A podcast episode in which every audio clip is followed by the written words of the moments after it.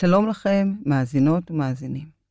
ביקשתי מדינה אברמסון, מחברת הפרסום שלי, לראיין את הרב יוני לביא. לשמחתי, היא הצליחה, והרב הסכים להגיע לאולפן לשיחה פתוחה בנושא אמונה ואמון. הרב יוני, מרצה, מחנך וסופר בנושאי זוגיות, נוער, מורים, מורים, חינוך, נשוי לרעות ואבא חמישה ילדים, שיהיו בריאים, גדל בירושלים, למד בישיבה נחשבת מאוד, ישיבת מרכז הרב, מוסמך לרבנות, בעל תואר ראשון בהוראה, תואר שני במדע, הלכה וחינוך, שירת בצה"ל ברבנות הראשית. אז יישארו איתנו, ונחזק את האמונה והאמון שלנו. יהיה מעניין, מבטיחה. פתיח ומתחילים. כל ההצלחה, סיפורים וכלים פרקטיים להצלחה בחיים, עם המנטורית מירי שרגאי. שלום הרב יוני. שלום מירי, תודה על ההזמנה ועל הזכות להיות פה היום. אה, זה זכות גדולה שאתה פה. אז אני מבקשת שמיד נתחיל, ונתחיל בהיכרות שלנו איתך, כי אני, הרבה לא אולי לא מכירים מי אתה, מה סיפור חייך, ומה מניע אותך, כי אתה עושה כל כך הרבה. גדלתי בירושלים. שני הורים אוהבים, הבכור לשבעה, ומגיל צעיר הייתי ילד מאוד סקרן. אהבתי לקרוא, כשילדים אחרים קראו על פנטזיה או שיחקו כדורגל, אני אהבתי לקרוא על אה, היסטוריה, אה, מדע, פסיכולוגיה. ובהמשך למדתי בישיבה, ואז זכיתי להכיר קצת יותר את ארון הספרים היהודי. אה, עולם שלם ומרתק שנפרס בפניי. ראיתי כמה אוצרות אפשר לשאוב משם בשביל החיים של כולנו. בהמשך התחלתי לעשות עבודה עם בני נוער, שזה גיל מאוד מאתגר ומורכב ומבלבל. הייתי שותף בהקמה של קו ייעוץ לנוער, שקוראים לו חברים מקשיבים. זה סיפור שהתחיל לפני 23 שנה וממשיך עד היום, ואלפי בני נוער פנו לשם בכל מיני שאלות והתייעצויות. ומאז ועד היום, אני זוכר לפגוש עשרות אלפי אנשים בשנה, לשמוע סיפורים של אנשים, אה, כאבי לב, התמודדויות, ולנסות עד כמה שאני יכול להיות שותף איתם, לחלוק איתם מחשבות ותובנות ונקודות של כוח שיוכלו לעזור לחיות את החיים נכון וטוב יותר ולהתגבר על המכשולים. ומה הניע אותך להגיע לכל הנוער האלה? למה בחרת בנוער? בעצמי הייתי נער עם המון שאלות בראש. אומנם אה, גדלתי בבית דתי, אבל מאוד סקרן אותי העולם שבחוץ, מאוד אה, התמודדתי עם שאלות של דת ומדע, אמונה וכפירה, ובכלל, מפגש של האמונה והחיים, מה זה מייצר, הדילמות והפתרונות. ובהמשך רציתי לחלוק את התובנות שאני הגעתי אליהן עם אחרים, האהבה הגדולה שלי זה לבני נוער. אה, עם כל ה... שמתי לב. עם כל הגיל המעצבן הזה, כמו שהרבה הורים כן, חווים. אמר לי פעם איזה אבא, אם הייתי יכול להשכיב את הבן שלי לישון בסוף כיתה ו' ולהעיר אותו בסוף י"ב, זה היה מצוין. טוב, מה לעשות שיהיה אפשר? אז איכשהו אנחנו מנסים לשרוד, לעבור את זה עם כמה שפחות נזקים. אבל אני חושב הפוך, זה גיל מדהים, מרתק ומאתגר, והוא מקפצה לכל החיים. נכון. ואני משתדל אה, במה שאני יכול לפגוש את החבר'ה האלה ולהיות איתם, לדבר אל הלב, אה, לראות את ההתמודדויות, ואני חושב שמה שבני נוער מתמודדים היום, עם הפתיחות והחשיפה, לא היה בהיסטוריה דבר כזה, וצריך לחשוב איך עושים את זה נכון. וכשאתה אומר נוער, אתה מתכוון שאתה עוזר להתמודד בעיקר לנוער דתי, או גם נוער חילוני פונה אליך? רוב הפונים באים מהמגזר הדתי, אבל אני חושב שהדברים הם נוגעים לכל אחד באשר הוא. קודם ממש. כל, לכל אה, אדם שנברא בצלם אלוקים, אה, בוודאי לכל ישראלי, שבשבילנו, בין אם אתה עם כיפה על הראש ובין אם לא, החיבור שלנו אל ההיסטוריה שלנו, אל אה, מי שאנחנו, הסיפור היהודי-ישראלי, הוא לא התחיל לפני 75 שנה. ממש לא. המדינה, אנחנו עוד פרק בסיפור שהתחיל לפני 4,000 שנה, ואני מאמין שיש בו בשורה גדולה, לא רק לעצמנו, אלא גם לעולם כולו. מה שהעם הזה הביא לעולם, התרומה שלו, אה, החזון, שבעוד שהיו עמים שעוד אכלו אחד את השני, אז אצלנו דוד המלך כותב את ספר תהילים ומדברים על חזון של שלום כלל עולמי, שיגור זאב עם כבש. תראי, זה מהפכני, זה פורץ. דרך, והיום העולם הוא אה, יותר בשל כדי לקבל ו- ולהכיל את זה, ועדיין יש כברת דרך ארוכה. ארוכה, כן. אז ביקשתי שנדבר על אמונה ואמון. אז בתהליך האמון, אחד הפרקים החשובים, לפחות בעיניי כמאמנת, זה האמונה והאמון.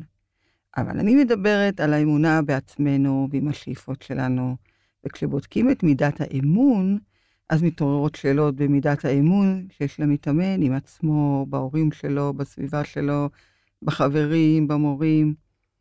תורת האימון בעיניי היא תשובה. ולא הכוונה להחזיר אותם בתשובה, אלא להחזיר את האדם לעצמיותו, למקור. ובאמת לקשה לאנשים להאמין, זה פרק לא קל. איך היהדות, איך אתה, יכול להסביר לנו את אתגרי האמונה?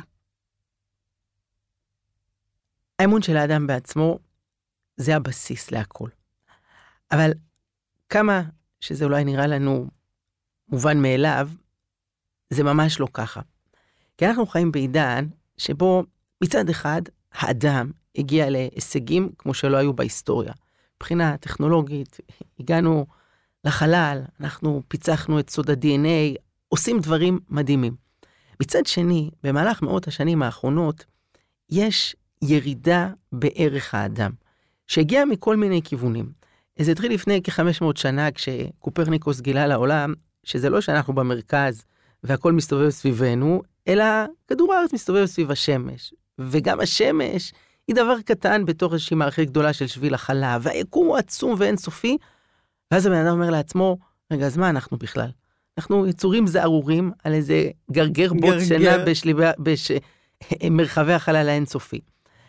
ובהמשך אמ, בא אה, אה, ניטשה ודיבר על זה שכל הבחירה החופשית זה סוג של אה, פיקציה. האמת שיש דטרמיניזם, האדם מופעל מכל מיני כוחות, הוא לא באמת בוחר, רק נדמה לו שהוא עושה את זה. נכון. ואחרי זה בא דרווין, שאומר שבעצם האדם זה התפתחות מכל מיני יצורים קופיים כאלה ואחרים. אז בעצם, מה אני? אני סוג של חיה, אולי קצת יותר משוכללת, אבל מה, זה הכל? ואחרי זה בא פרויד ודיבר על כל מיני דחפים אה, חייתיים שמפקים בתוך האדם. ואם אני מסכם פה את השורה התחתונה, אז אדם שמסתכל על זה, אומר לעצמו, אז, אז מה אני בכלל? אז מי אני?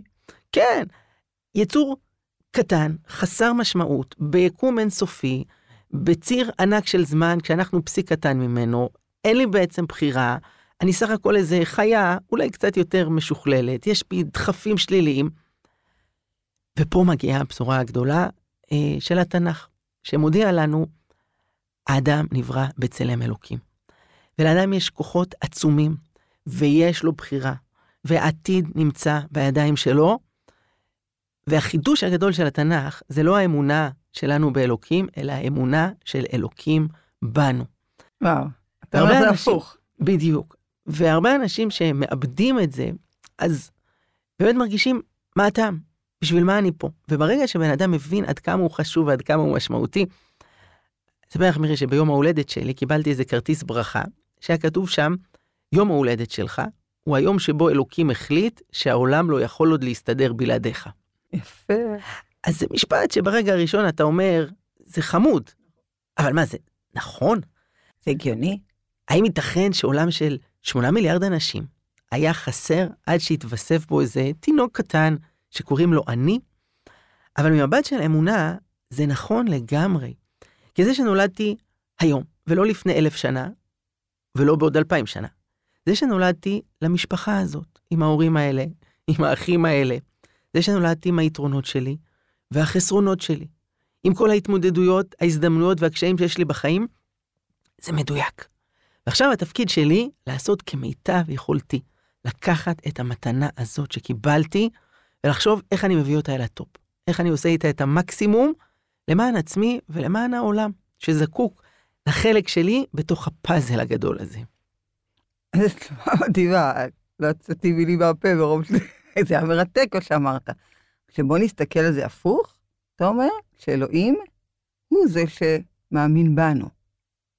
כן, האדם מסתכל על החיים ושואל את עצמו, מה העולם בא לתת לי, מה אני מרוויח מהחיים? נכון, מה אני מקבל כן. כל הזמן. אבל אולי השאלה צריכה להיות הפוכה, זה מה אני מביא לעולם? מה הבשורה נותן? שלי? אנחנו רואים שמבחינה פיזית, לכל אדם יש טביעת אצבע שאין עוד לאף אדם אחר בעולם. וזה עד כדי כך מוחלט שבית משפט יכול, קובע לפי זה? כן, כי אם יש את טביעות האצבע שלך על הכספת, אז סימן שאתה הנחת עליה את הידיים שלך, ואתה לא יכול להגיד שבמקרה עבר פה איזה תייר מברזיל שטביעות האצבע שלו הם כמו שלי. אין מצב. והטענה היא שהעובדה הפיזיולוגית הזה של טביעת האצבע שלנו זה רק שיקוף של דבר עמוק יותר. זה לא רק באצבעות, זה מתחיל מהנשמה, זה מתחיל מהאישיות החד פעמית, שלא היה ולא יהיה כמותה. וברגע שאנחנו מאמינים בדבר הזה, ואני חושב שבסופו של דבר זה נטוע בתוכנו, האמונה הזו. תראי, שאלתי הרבה את עצמי, מה סוד ההצלחה של הרשתות החברתיות? נושא שאני עוסק בו הרבה, עולם המדיה והשפעתו על חיינו. למה כל כך הרבה אנשים, ועוד יותר צעירים, מבלים שעות בלי סוף באינסטגרם, בטיק טוק, בפייסבוק, מה הם מוצאים שם? התשובה היא שהרשתות החברתיות עונות על צורך עמוק שקיים בנפש. וזה, אחת, להרגיש שאני שווה, שיש טעם בקיומי, שיש משמעות לחיי. שתיים, שאני אהוב, שאני חשוב לאחרים. ובכל לייק שעושים לי, אני בעצם מקבל אישור על שני הדברים האלה, שאני שווה ושאני אהוב. אהוב. איפה הבעיה? הבעיה היא שהרבה פעמים זה מאוד שטחי. זה יכול להיות בגלל דברים שהם לא קשורים לאני המהותי שלי, אלא יכול להיות אם. העלית איזה עוגה, זה ממש שטחי. נכון, תמונה של ארוחה. כל מיני דברים שהם שייכים למעטפת של החיים. אבל מה עם הלב שלהם? מה עם הבשורה האמיתית שיש לי להביא לעולם? להכין עוגות ולהצטלם ליד מפלי הניאגרה ולקפוץ בנג'י, הרבה אנשים יכולים לעשות. אבל מה אני? מה רק אני? מה העולם מחכה לניגון המיוחד שאני יכול להביא? זאת השאלה. אז אני רוצה לשאול אותך, האם לאדם הדתי יש יתרון בנושא האמונה? זאת אומרת, מה היתרון הזה נותן לו? ואדם שאינו מאמין, אני לא אקרא לזה חילוני, אדם שאינו מאמין, כי יש גם חילונים שמאמינים באלוקים, במה יאמין? רק בעצמו? אז זה קצת מפחיד להאמין רק בעצמי. כמה אדם יכול להיות מלא בעצמו? אה, כמה זמן זה גם יכול להחזיק את זה? כי הרבה פעמים מגיעים לאיזה top ואז כאילו אנה אני ולאן פניי, נכון? במיוחד ברגעים ובזמנים קשים, שאין שם את נקודת החוסן הזאת. הכל מתחיל מהשאלה איך אנחנו מגדירים אמונה. אם תעשי סקר ברחוב, אז יהיו אנשים שיגידו לך שאמונה זה משהו שכלי. יביאו לבן אדם כך וכך הוכחות, אם זה ישכנע אותו אז הוא יאמין. אז הוא מאמין. יום אחד מישהו יפריך את ההוכחות, פף, הכל נפל. יהיו כאלה שיגידו שאמונה זה עניין של רגש. יש מי שמרגיש את זה, יש מי שלא נכון. מרגיש את זה, אבל אין מה לעשות. אבל עדיין לא הגענו פה אל הנקודה היסודית. זה נכון שהאמונה יכולה להתגלות גם בשכל וגם ברגש, אבל היא מתחילה ממקום עמוק יותר. ופה אני אשתף בתובנה שאמר אותה הרב קוק. הוא היה הרב הראשי הראשון לארץ ישראל, הוא נפטר לפני כמעט אה, 100 שנה. אה, היה הוגה אה, מהפכני, פורץ דרך, הרבה דברים שהוא אמר, אני חושב שייקח עוד דורות עד שהצליחו להגיע לעומקם. ומה שהוא אומר שהאמונה מתחילה קודם כל מהנשמה. בעצם זה שבאדם, בכל אדם, ופה זה כבר לא משנה מה יש לו על הראש, ואם הוא מניח תפילין או לא, יש בו את הניצוץ הזה, את אותה נקודה פנימית אלוקית, שנותנת לו את החיים. כשאתה אומר בכל אדם, סליחה, אתה מתכוון גם באדם שהוא לא יהודי? בכל אדם, כל אדם. בכל אדם באשר הוא, אוקיי. האמת היא שאותה נקודה קיימת בכל יצור נברא באשר הוא. היתרון של האדם, שהוא יכול להיות מודע לאותה נקודה אה, פנימית שיש בתוכו, וגם לכוון את החיים שלו על פי זה. אבל היא קיימת בכל אדם, והיא זו שגורמת לכל אחד לשאוף למשהו מעבר. הרי האדם נמצא כל החיים במרוץ בלתי פוסק, והוא מרגיש שהוא מחפש, הוא צריך להשיג משהו. לפעמים הוא לא יודע להגדיר מה, לפעמים הוא משקיט את הצמאון הזה בכל מיני חוויות, בכל מיני אה, דברים, אבל זה עדיין לא זה. זו אותה נקודה שגורמת לאדם לרצות להיות מוסרי. אף פרה או קרנף לא שאלו את עצמם, האם זה מוסרי? מוסרי. אף אה, חתול או תנשמת לא שאלו את עצמם, מה הטעם בחיים? למה אני פה? אבל בני אדם שואלים את עצמם את השאלות האלה. אה, לא כולם, כי הרבה כל כך עסוקים במרוץ וברעש, שהם לא מקשיבים למה שיש בפנים. אבל זאת נקודת האמונה. מכאן זה מתחיל, ופה יש בחירה לאדם, האם אני נותן לזה מקום בחיים שלי, ויש הרבה נתיבים והרבה שבילים לעשות את זה, ו- וגם כל החיים זה בהתפתחות, כלומר, הקשר שלי עם אלוקים זה לא כמו שהייתי בן 12, ואני מקווה שזה לא כמו שאני אהיה בן 80, וכל הזמן האדם צריך להיות בצמיחה ובהתפתחות אז קדימה. אז בוא רגע, אני רוצה לשאול אותך, מקשיב, מקשיב לנו אדם שהוא עסוק כל הזמן בחומר, ובעבודה שלו, ובילדים, ובבית, ובפרנסה והכל. הוא אומר, הרב יוני אומר שזה קשור לאיזושהי נקודה פנימית בלב. עכשיו הוא חושב, אז איך אני, למה הוא התכוון? איך אני מגיע לנקודה הפנימית? מה אני מתחיל לעשות כדי, כי מה שהרב אומר לי זה נשמע לי, נשמע לי טוב, נשמע לי, זה נגע בי לרגע, בנשימה שלי. אבל, אז מה אני עושה? אני לאן הוא פונה? אני אתן לך, ידידי, סימן שיכול להיות סוג של מצפן. תראו, יוצא לי להיות בלא מעט חתונות. כרב אני זוכה לערוך חופות, וזה חוויה מרגשת, זה תענוג. תמיד. כל זוג. כן, השמחה הגדולה להשתתף איתם ברגע המשמח בחייהם. להבדיל, יוצא לי לערוך לא מעט הלוויות. וגם זה דבר אה, חשוב ומאתגר, אה, לעזור למשפחה לבנות טקס יהודי, לחלוק כבוד אחרון לאדם שהיה פה 80 שנה, עשה דברים, רוצים לומר קדיש ולהיפרד ממנו בצורה מכובדת ויפה. וכשאני עושה השוואה בין שני הטקסים האלה, את שואלת איפה יותר כיף להיות בחתונה, ללא ספק. אבל איפה אני מרגיש משמעות יותר גדולה? בהלוויה. ושלמה המלך אמר משפט חכם לפני שנים רבות. אומרים שהוא היה חכם באדם, הוא אמר, טוב ללכת אל בית אבל מללכת אל בית משפה, והחי ייתן אל ליבו. כלומר, אחד הדברים שגיליתי בהלוויה, זה שכשעומדים מול המוות, אנשים קולטים באמת מה חשוב. לחצי שעה. לצערי. טוב, אז זאת כבר השאלה, כן, זהו. לאן אני אקח את זה הלאה. איך הוא ממשיך את זה. נכון, את צודקת. אבל הרגע הזה הוא רגע מאוד משמעותי. הייתה לי פעם אה, שיחה עם משפחה שביקשו שאני אערוך את ההלוויה של האבא. עכשיו, היות שלא הכרתי אותו, רציתי להגיד עליו איזה מילה או שתיים בהלוויה, אז אמרתי, ספרו. אז הבת הגדולה אמרה, אבא היה אוהד של הפועל חולון. הוא לא הפסיד משחק, איך הוא היה עומד שם וצועק כמו משוגע. אמרתי לה, אוקיי, זה יפה, בוא, ספרי עוד. אז הבת השנייה אמרה, המוסק העגל שלו היה סוף הדרך, הוא היה בשלן. אמרתי, אוקיי, ספרו עוד, וסיפרו, סיפרו. אמרתי, אבל עוד, עוד, לא, עוד לא הגעתי. ואז הבת הקטנה אמרה, תראה, אימא שלנו נפטרה כשהיינו ילדות קטנות, ואבא גידל אותנו לבד. והוא היה בשבילנו גם אבא וגם אימא, והוא נתן לנו את הכל, והוא עשה בשבילנו, הוא עזר לנו להתאושש ולהמשיך ולחיות ולגדול. אמרתי לעצמי, הנה. בינגו, we got the point. כי כשעומדים מול המוות, המוסק העגל זה נחמד, והפועל חולון זה סבבה, אבל זה הרגע שכולנו מבינים שיש את הדברים המהותיים, האמיתיים, שזה בעיקר קשור למה האדם נותן לעולם, איך הוא נוגע בלב של האנשים, כמה טוב, כמה שמחה, כמה תקווה הוא הוסיף. ואני חושב שזאת נקודת האמונה, האמונה בטוב הזה שיש בעולם, וברצון שלנו להיות שותפים עם אלוקים. לא לבד. אנחנו לא לבד, אנחנו לא, לא לבד, אבל אלוקים בונה עלינו, שאנחנו כאן עלי אדמות. נהפוך את העולם הזה לעולם ששווה לחיות בו, לעולם שראוי שיהיה. אז בשיר של אמיר דדון, אה, שנכתב עם אלדד ציטרין, כתוב כך: אומרים יש מי ששומר עליי, נותן לי את הכוחות. עוד לא מצאתי את התשובה, אבל קוראים לזה לחיות.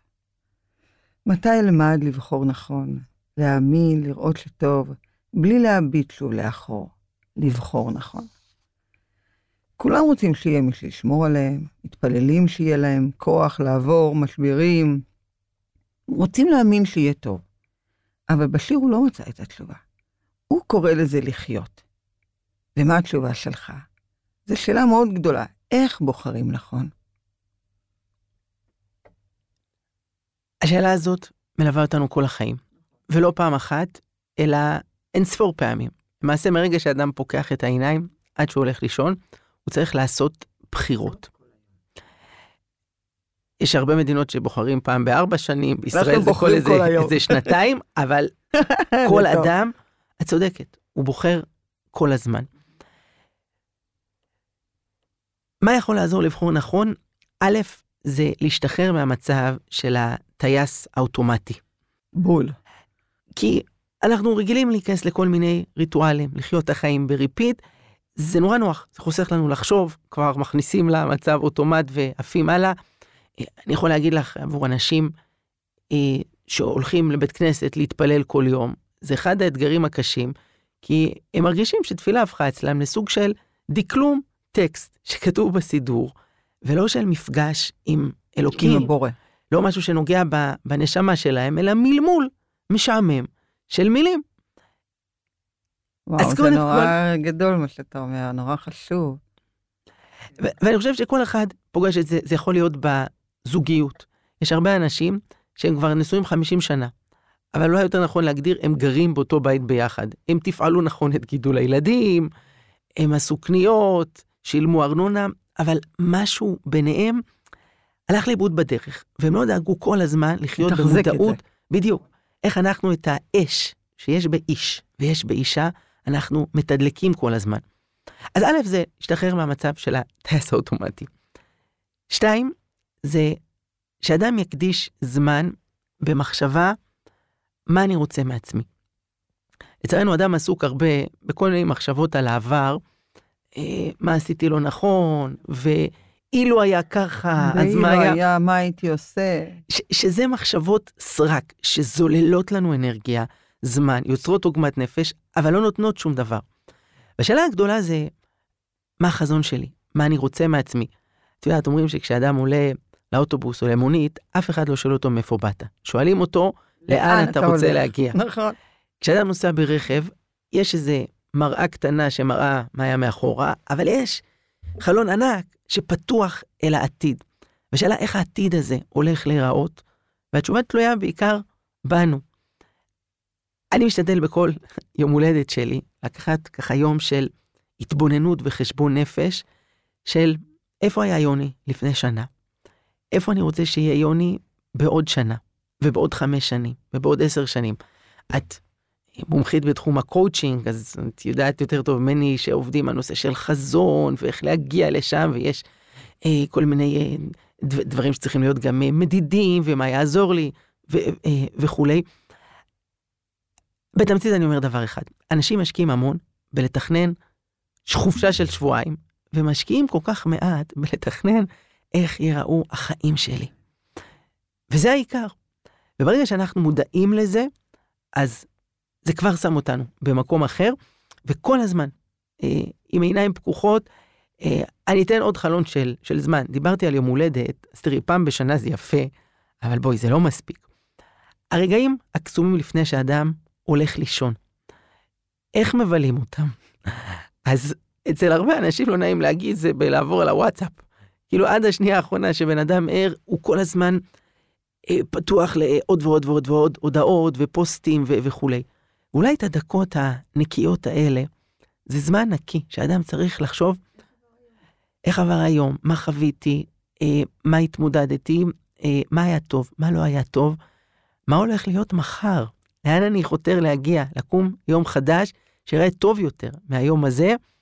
אני חושב שכשעובדים ככה, זה משדרג את כל העשייה וההתנהלות שלנו. אז זאת אומרת, זה אפילו בקטנות, תשימו לב, איך אתם הולכים לישון, מה אתם אומרים לעצמכם, איך אתם מסכמים את היום, מה אתם אומרים לפני, אפילו לעשות איזה תפילה, שנקום בבוקר בשלום, זה בסדר, אפשר להוסיף את זה. וכשאתם קמים בבוקר, זה הולך איתכם. זה ממש הולך איתנו. נכון. אני אוסיף פה עוד דבר, שזה ה... אה, לא לקבל דברים כמובנים מאליהם. המילה הראשונה שיהודי אומר כשהוא קם בבוקר, זה תודה, מודה אני לפניך. אה, מישהו ניסח את זה יפה באנגלית, הוא אמר, We thank before we think. כלומר, אנחנו עוד מודים, עוד לפני שאנחנו מתחילים לחשוב, טוב, איזה פגישות יש לי היום, ולאן אני צריך לנסוע, והרכב במוסך? כי יש לכל אחד ואחת מאיתנו כל כך הרבה דברים להודות עליהם, על עצם החיים, והכוחות, והבריאות, והמשפחה, והכישרונות, והיכולות, וההזדמנויות. לצערנו, מתי אנשים מתחילים להעריך משהו? כשהם מאבדים אותו. אני אשתף אותך, ביום שישי האחרון היה לנו כל היום סבב הפסקות חשמל. ונורא דאגנו, כי זה היה לפני כניסת שבת, ואמרנו מה יהיה, אנחנו שמים אה, פלטה בשביל שבת, והמזגן לא יהיה וכולי. התפללנו שיסתדר, איכשהו חצי שעה לפני שבת חזר החשמל, והיא עברה בשלום. אבל אמרתי, שבת יש לי מפגש עם הקהילה, ואני מעביר אה, שיעור בשבת אחרי צהריים. אמרתי להם שחשמל זה כמו בריאות. עד שאתה לא מאבד את זה, אתה לא יודע להעריך את זה. נכון, אתה רק מדליק אותו. נכון. תראי, אף אחד מאיתנו לא מתפעל כשהוא לוחץ על המפסק והחשמל נדלק, או שהוא מסובב את המפתח ברכב והוא מתחיל לנסוע. כאילו מה, זה אמור להיות, לא? פתאום כשמשהו לא עובד, וזה נכון בחשמל, זה נכון בבריאות שלנו. כשפתאום יש בעיות כאלה ואחרות, ואני אומר, וואו, ומה היה עד עכשיו? איפה הייתי? אז בואו, שנזכור להגיד את התודה, והרגשות החיוביים האלה, היכולת להעריך, יש לזה השלכות דרמטיות. היה לפני שנים מחקר מפורסם שקראו לו מחקר הנזירות. בדקו באיזשהו מנזר גדול בארצות הברית, היה שם 700 נזירות, ומה שעשו זה, כשהם נכנסו למנזר בגיל 20, כל אחת מהן עשתה מין יומן שבו היא כתבה מה הביא אותי לפה ומה אני מרגישה. ובדקו אותם 50, 60, 70 שנה אחרי, וגילו דבר מדהים. נזירות שבגיל 20 גילו רגשות חיוביים של הכרת הטוב, של אופטימיות, של שמחה, תוחלת החיים שלהם הייתה ארוכה בשבע שנים. מכאלה שלא היה להם את זה. מחלות כמו אלצהיימר, כל מיני התמודדויות בריאותיות, פשוט היו באופן דרמטי, נמוך ב-85 אחוזים, כי כשאדם ניגש באופן חיובי, ויודע להעריך את מה שיש, ולהכיר תודה על זה, למעשה לך, לכן קוראים לנו יהודים, זה מלשון להודות. כן, זה השם שלנו. אז אני יודע, ישראלים מאוד מחבבים לקטר ולהתלונן, וטוב, אולי זה כי אנחנו שואפים ל- ליותר, אנחנו פרפקציוניסטים, אבל בואו, שזה לא יבוא במקום לדעת להעריך ולהגיד על זה תודה. יש לך הרצאה, אה, כי אתה גם מטפל בנושא מאוד חשוב, ואני אחזור לזה, כי אמרתי את זה טיפה בהתחלה, את הרשתות החברתיות, אוקיי? מר צוקרברג לקח את הבדידות הפרטית שלו ועשה ממנה בדידות גלובלית. אה, ילדים, נוער, מבוגרים נמצאים יותר, המון המון המון המון זמן באונליין. ולכאורה חושבים שיש להם חברים, או שהם מקבלים ידע, שרובו זה רכילות, או קניות. יש גם דברים טובים, אנחנו לא נגיד, יש גם דברים טובים בזה. אז איך מציאות כזאת משפיעה עליהם ועל הסיכוי שלהם להצליח בכל מישורי החיים? יש כלל בחיים שכל אור מטיל צל. נכון. וכל אש יכולה לחמם ולהעיר, אבל היא גם בסוף. שורפת אם לא יודעים לנהל אותה נכון. והכלל הזה נכון באופן מיוחד כשאנחנו מדברים על פעילי הטכנולוגיה, שאין ספק שהם הביאו את העולם להישגים מדהימים, ואנחנו שמחים על כך. אדרבה, כאדם מאמין, בעיניי, זה נפלא שהעולם שלנו מתקדם קדימה, זה חלק מתיקון עולם. אבל יש פה צל גדול, בפרט כשלא מודעים אליו. לנו להיפגש עם הרבה בני נוער ולשמוע שאלות וסיפורים, ולפעמים הורים פונים, של חבר'ה ששוקעים בעולם המסכים. זה, זה מגנט עם עוצמה אדירה, ולמעשה החוק פה לא מטיל שום מגבלות כמעט. כלומר, יש כלל שאופניים חשמליים מותר מגיל 16, ולנהוג ברכב אתה יכול מגיל 17, 17. ולהחזיק בנשק מגיל 18, אבל סמארטפון אפשר מגיל אפס. כן, כבר בכיתה א' עם זה. היום, לאחוז עצום מילדי כיתה א', שאסור להם לחצות כביש לבד. והם לא יודעים לכתוב את השם שלהם בלי שגיאות כתיב, אבל יש להם כבר סמארטפון. עם חשיפה עצומה לעולם של תוכן שיש בו דברים טובים, ויש בו דברים מטורפים, ויש בו אנשים מסוכנים שמגיעים אליהם. ב-17 השנים האחרונות אה, הקדשתי אלפי שעות כדי לחקור את הנושא ולהעביר את זה הלאה. יצא לי להרצות כאלף פעמים לפני קהלים שונים בארץ ובעולם על הנושא הזה, כששאלת המפתח מבחינתי היא איך לעשות את זה נכון יותר. אנחנו לא נגד טכנולוגיה, אנחנו בעד החיים. שלא. בדיוק. והשאלה היא איך לחיות באופן שנפיק את המרב בלי לשקוע פנימה. עכשיו תראי מירי, נוח לנו לדבר בעניין על הילדים נו, זה גם והמתבגרים. מבוגרים. בדיוק. הם מלא. אנחנו המבוגרים עמוק בפנים. וזה לא כי אנחנו רעים, אלא כי יש פה אה, טובי המוחות שהשקיעו את הכל ליצור כאן מגנט עוצמתי שישאיר את האדם בפנים. למשל, אחת התופעות שמדברים עליהן היום, שהאלגוריתם של הפייסבוק ושאר הרשתות החברתיות בנוי באופן שאתה תראה תמיד את הדברים שאתה אוהב ושמוצאים חן בעיניך. כלומר, הפייסבוק יראה לך את העמדות של אנשים שאתה מסכים איתם. בדיוק. כן, אתה במפלגה שלך, אתם. תומכים וכולי. ואז אתה תרצה להישאר, כי אין פה אנשים שמעצבנים אותך. אז זה חמים וזה עוטף, אבל התוצאה היא שזה גורם לאנשים רק להקצין יותר בעמדות שלהם, וכשהם בפעם הראשונה פוגשים מישהו שסובר אחרת מהם, הם חושבים שהוא הזוי. כי הרי אף אחד לא אומר ככה, כולם חושבים כמוני. אז, אז זה, אני אומר בסוגריים, זה עוד איזה עיוות שיש כאן, בלי שאנחנו מרגישים. מעניין. אני בעיקר דואג, וממש מדיר שינה בעיניי בלילות, מילדים ובני נוער שנחשפים לתכנים של אלימות, של פורנוגרפיה, של כל מיני דברים מאוד קשים שגורמים להם אה, נזק עצום. ואני חושב על ילד או נער, נערה, שעוד לא חוו בפעם הראשונה בחיים אמיתיים, מה זה מערכת יחסים אינטימית בין גבר לאישה, פוגשים את זה בפעם הראשונה, בגיל 11, בא, באינטרנט, בצורה עקומה, אלימה, מחפיצה, פורנוגרפית. מה. מה זה יעשה להם? ולצערנו יש לזה גם השלכות, יותר פגיעות מיניות, ומנסים לח- לחקות את זה, וזה הפסד עצום. אז מה אני מציע? אין כאן פתרונות קסם, אבל כן צריך, אה, א', אה, לדבר על זה, לחנך לזה. שתיים, אני אומר להורים שמאזינים לנו, לבחור היטב באיזה גיל נותנים לילד מכשיר, איזה סוג של מכשיר, וגם להשתמש בטכנולוגיה שתעזור לנו בשביל סינון תוכן, בשביל, יש היום אפליקציות שעוזרות לעשות את זה, איזה רשתות חברתיות אני מרשה לו ואיזה לא, אה, האם כל ילדה בת 11 צריכה לתפעל חשבון בטיק טוק ולהעלות לשם נונסטופ סרטונים, או שאולי די ליחצן את עצמך, מותק, את בת 11. תשחקי עם חברות, תעשי שיעורי בית, יגיע הזמן גם לדברים האלו, אבל אז כבר תהיי בוגרת יותר, ועם יכולת להתמודד ולהבחין, לשים גבול. אז בעצם אתה אומר, אתה חוקר את זה הרבה זמן, אבל איך אתה, אם יש לך איזו הצעה, מה יכולים הורים לעשות כדי להוריד את הזמן שהם נמצאים עם הטלפון? איפה, איך שם אפשר, אתה תציע לעשות משהו? אני חושב שכאן חייבים להיעזר בטכנולוגיה אה, שתסייע לנו. אני אגיד לך מה אני עושה ב, מה? במשפחה שלנו.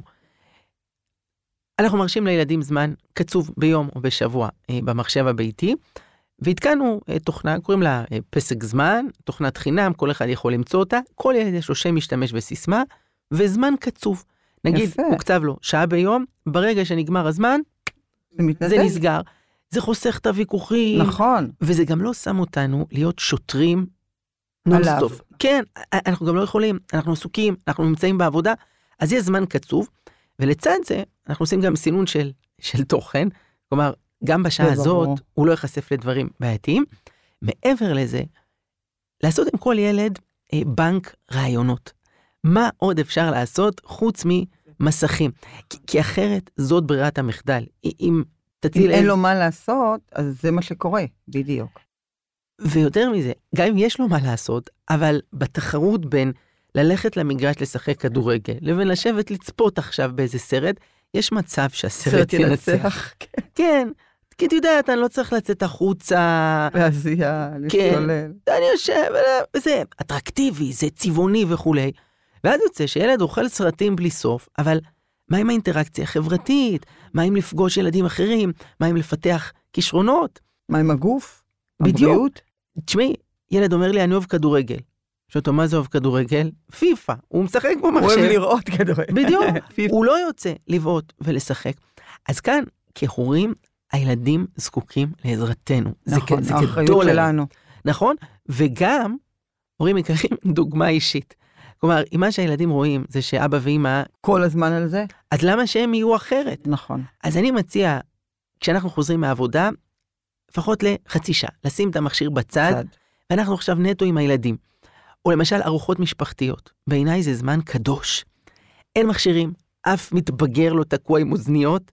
זה הזמן שבו אנחנו מדברים, מה נשמע? מה הלך היום? אה, ספרו משהו נחמד שהיה לכם, מה קרה בבית ספר. ברוך השם, יש לנו עוד מתנה שקיבלנו, שקוראים לה שבת. והיום יש הרבה אנשים שהם לא דתיים בהגדרה, אבל כן בחרו שומרים. את היום הזה נכון. ליום משפחתי, ליום נקי מסלולרי, ליום של שקט. אני חושב שזאת מתנה מדהימה. תשמעי, זה שאתה יכול לדבר עם מישהו במשך שלוש דקות ברצף, בלי שאו הטלפון שלך, או הטלפון שלו יצלצלו, הוא יגיד לך, אה, שנייה, יש לי שיחה, אני צריך ללכת. אבל רגע, יש לך איתי שיחה, מה אנחנו עושים עכשיו? אני פה. כן, יש בזה משהו קצת מעליב, נכון. שבן אדם בורח לך באמצע, אפשר לחשוב שכל שיחה או כל הודעה בוואטסאפ זה עניין של פיקוח נפש. כן. בואו, כאילו עובד במד"א. נכון, אז נרגע, נרגע. אתה לא במד"א, אתה לא בשב"כ, אתה לא הרמטכ"ל. לתת כבוד לאדם שאני איתו, ולקחת משהו מה, מהרעיון הזה של השבת, גם לימי השבוע, ליצור את המרחבים הנקיים. אה, אני מאוד מעריך מוסדות חינוך שבחרו, שאין להם טלפון. ב- כן, שלפחות. בזמן שהם כאן, שילמדו, שישחקו בהפסקה כדורגל, ולא, ראיתי את זה בלא מעט מוסדות חינוך, יש ערימות של חבר'ה על הדשא, אבל כל אחד, כן, הם מפספסים את הדבר האמיתי שיכול לקרות ביניהם. זה עוד דבר את זה. למציאות הזאת יש עוד בעיה. אה, בעיית השפה.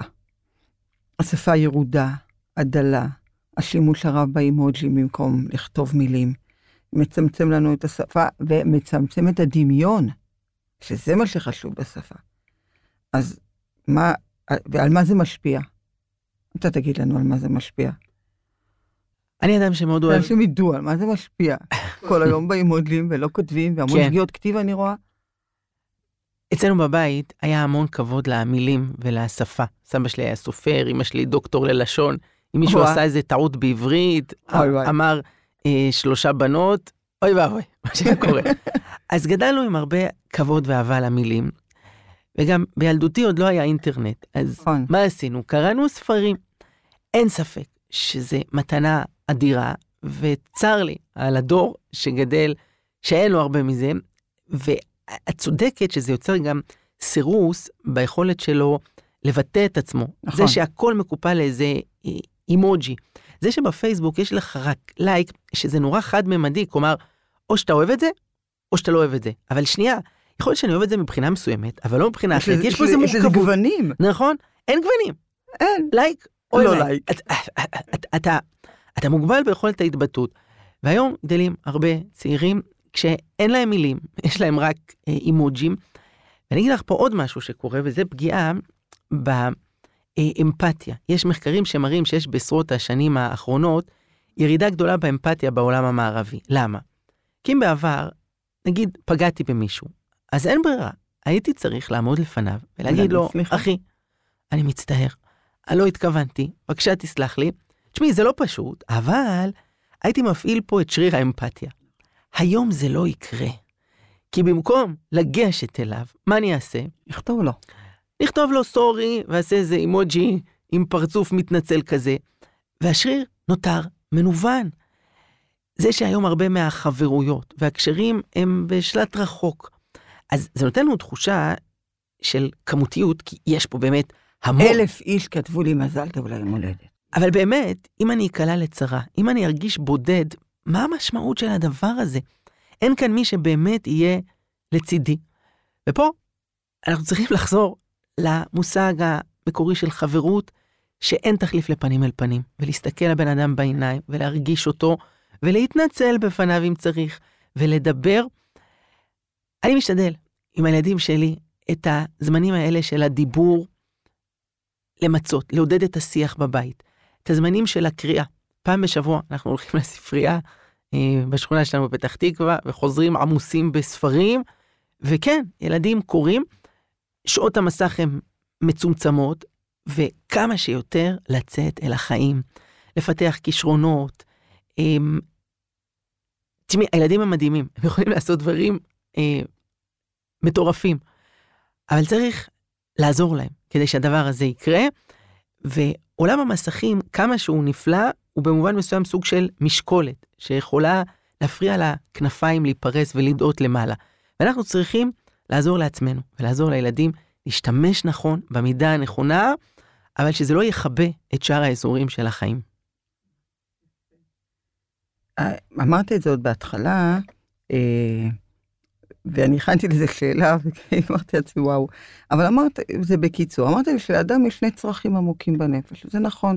מה, אני שווה, ויש לי ערך, ואוהבים אותי, להיות שייך, להיות אהוב. אז בלי זה מה יהיה לנו? המתנה הכי גדולה שכהורים אנחנו יכולים וצריכים לתת לילדים שלנו, זה שהם ירגישו שהם שווים ושהם אהובים. אהובים. זה הבסיס. לפעמים כהורים אנחנו לא מספיק נותנים אמון בילדים. אני אתן לך דוגמה משבוע שעבר. יש לי בת חמודה, בת חמש, קוראים לה כרמי. והיא באה אליי ואמרה, אבא, למה אותי לרכב על אופניים בלי גלגלי עזר? יש לה אופניים אדומים, והורדנו להם את הגלגלי עזר. והרדתי איתה למטה. עכשיו, איך מלמדים ילד לנסוע ככה בלי ליפול? אז היא נוסעת, ואני מחזיק, ואני רץ איתה, מחזיק, מחזיק, מחזיק, וככה חצי שעה, ותשמעי, אני כבר כן. מתנשק, כבר עשינו פה מרתון כמעט, אבל אני מפחד לעזוב. היא קטנה, בת חמש, מה, היא תיפול, היא תיפצע. אמרתי לה, תקשיבי, חמודה, די להיום, בואי, ככה, במשך איזה שבועיים, שלושה, את כל יום תעשי כזה אימון חצי שעה, בסוף את תדעי לרכב על אופניים. עלינו הביתה, ואני נסעתי לאיזה הרצאה. אחרי חצי שעה, אני רואה אשתי שולחת בקבוצה של המשפחה, יש לנו עם הילדים הגדולים, סרטון, שרואים את כרמי, נוסעת לבד, על אופניים, בלי גלגלי עזר, בלי שאף אחד מחזיק. אמרתי, רגע, קרה פה נס? היא קפצה במכונת הזמן שלושה שבועות קדימה? מה קרה? ובכן, מה מתברר? היא חזרה הביתה, וביקשה מאח שלה, ליאל, בכיתה ט', אבא הלך, בוא תעזור לי לרכב על אופניים. אז הוא בסדר, ירד איתה למטה. עכשיו הוא לא דאגן כמו אבא. הוא שחרר. הוא שחרר. אחרי דקה שנוסעים, יאללה, עכשיו היא נוסעה. תקשיבי, נוסעת. חבל על הזמן. מה אני לומד מהסיפור הזה? יש באדם כוחות עצומים. יש לו כנפיים, כנפי רוח, והיכולות והאפשרויות. ואולי הבעיה הגדולה זה שיש איזה חסימה בראש. נכון. כלפי עצמנו, כלפי הילדים שלנו. תפיסה עצמית. בדיוק. אני אתן אה, דוגמה מרתקת מתחום הספורט. אה, היה דבר שקראו לו מחסום ארבע הדקות. זה קשור לתחרויות ריצה למרחק של מייל. שראו שתמיד לוקח לרוץ את המרחק הזה יותר מארבע דקות. עד כדי כך. אי אפשר לרדת מזה, כאילו גם הביאו לזה אפילו מדע. מדעי, אי אפשר, אדם לא יוכל לרוץ פחות מארבע דקות. כיוון שהריאות לא יכולות לתת מספיק אה. חמצן לשרירים, כמו שאתה לא יכול לעוף, אתה לא יכול לרוץ מעל בפחות מארבע דקות. ככה האמינו במשך מאה שנה. עד שיום אחד זה קרה. השנה הייתה 1954, קראו לו רוג'ר בניסטר, סטודנט אנגלי, שרץ שם על המסלול באוקספורד, ועוצר את השעון על 3 דקות ו-59 שניות. האנשים היו בהלם, הם אמרו, רגע, זה לא יכול להיות. אבל חכי, מה שיותר מעניין קרה שנה אחרי זה. 1955, 37 אנשים ירדו עוד פחות מה-3.50. עוד שנה אחרי זה, אז 300 איש שברו את המחסום, מאז ועד היום עשו את זה אלפים, ושיא העולם הנוכחי זה 3 דקות ו-43 שניות. וואו, איזה שבירת מחסום. זה, זה 17 שניות פחות ממחסום שבמשך 100 שנה, כולם אמרו שזה לא אפשרי. והשאלה היא, מה קרה פה? האם רוג'ר בניסטר גילה פה איזה טכניקה שכולם העתיקו, או שבעצם מה התברר? שהמחסום האמיתי היה כל השנים... בראש. בראש. ואז מספיק אדם אחד שיעשה את זה, והוכיח לכולם שאפשר. אני רואה כמה אנשים הולכים עם כל מיני משפטים בראש, אני עצלן כרוני. מישהי אמרה לי, אני תמיד מאחרת, אין מה לעשות, אני נולדתי באיחור, אני איחרתי לחתונה שלי, אני קובעת פגישה, מגיעה, אין מה לעשות. כן, אין מה לעשות, אז זה כל הזמן אומרים באימונים, אין מה לעשות, אני כזה. או אחד אומר, תשמע, זה הגנים שלי, אנחנו במשפחה נולדנו עצבניים, אתה, ככה זה. אז תשמעי, מי שבטוח שזה נכון ומאמין בזה, הוא באמת לא יצליח. אבל ברגע שבן אדם ישתחרר, ואני חושב שהמתנה הגדולה שמאמן, או כחבר, אתה יכול לעשות למען מישהו, זה להחזיר לו את האמון בעצמו ואת השחרור מכל מיני משפטים כאלה של אני כזה נקודה, אני לא מסוגלת, לי אין סיכוי. אלוקים נתן באדם כוחות אינסופיים. אם האדם יאמין בזה, יכולים לקרות דברים מופלאים. נכון, איזו תשובה מעצימה. לגמרי, רואים מה זה. אוקיי, אנחנו לקראת הסיכום. אז אני אומרת ככה מכל מה שכזה נאמר, אמונה בגישה חיובית. ואדם זקן מספר לו כולם שהוא בן 16, שואלים אותו למה אתה מתכוון, אז הוא אומר, אני לא בן 70, אני עם 54 שנות ניסיון. ואמונה באהבה. יש סבל בעולם, אנשים מתגרשים, משפחות מתפרקות, ובכל זאת אנחנו ממשיכים להתחתן, להאמין באהבה ולהביא ילדים, ולהזמין אותך לחתונות שלנו. אמונה בביטחון. אתם מתכננים תוכניות לעתיד שלכם, לחופשה הבאה, למחר, ולאף אחד אין שום ביטחון שהעתיד הזה יהיה. אמונה בתקווה. כל לילה אתם מכוונים שעון מעורר והולכים לישון בתקווה שנקום בבוקר בשלום ובבריאות. אמונה בלתת אמון. כשאנחנו זורקים תינוק לאוויר, הוא צוחק אלינו בשמחה, כי הוא מאמין שאנחנו נתפוס אותו שוב ושוב. אנשי הכפר התפללו לגשם, התאספו בכיכר, וכולם התפללו לגשמי ברכה שירדו. רק ילד קטן הגיע עם מטריה, רק אחד. זאת אמונה. אז uh, תודה לך, הרב יוני, שהגעת לאולפן, והארת את ליבנו באמונה. ואתם מוזמנים להיכנס ולקבל עוד תכנים מהרב, והייתי רוצה שתגיד לנו מה אנחנו יכולים עוד לשמוע, איפה לשמוע, מה לקרוא.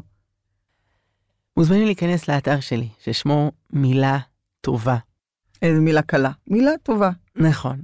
ואפשר באופן קבוע, מי שרוצה לקבל במייל, לקבל בוואטסאפ, אפילו ברמה יומיומית, קטע לפתוח בו את הבוקר עם איזה השראה שתערוץ ביוטיוב, וחומרים זמינים חינם לכל מי שרוצה, להוסיף קצת אמונה, קצת אמון, שמחה, אופטימיות. אני רוצה לברך את כולנו, שיום אחד, כשנגיע לגיל 120, ונסתכל אחורה על החיים שלנו, נגיד שזה היה חיים ששווה לחיות אותם. אמן, אמן, אמן. לפי היהדות, לאחר הידיעה באה האמונה. אה, שקודם תדעו, זה ידיעה, ולאחר מכן תאמינו, זה אמונה. כמו שכתוב בישעיהו מ"ג י', למען תדעו ותאמינו לי ותבינו. היו טובים ותאמינו. מאחלת לכם את כל ההצלחה. להתראות.